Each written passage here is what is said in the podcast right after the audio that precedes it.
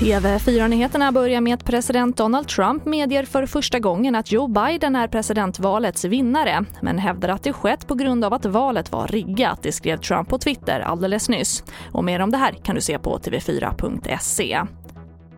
Och här hemma har det i Landskrona brunnit i två lägenheter i ett flerfamiljshus och byggnaden fick evakueras. Larmet kom klockan 11 och det har pågått ett intensivt släckningsarbete under dagen. Men nu är branden släckt. Totalt har sju personer fått föras till sjukhus med rökskador och det är fortfarande oklart vad som orsakat branden.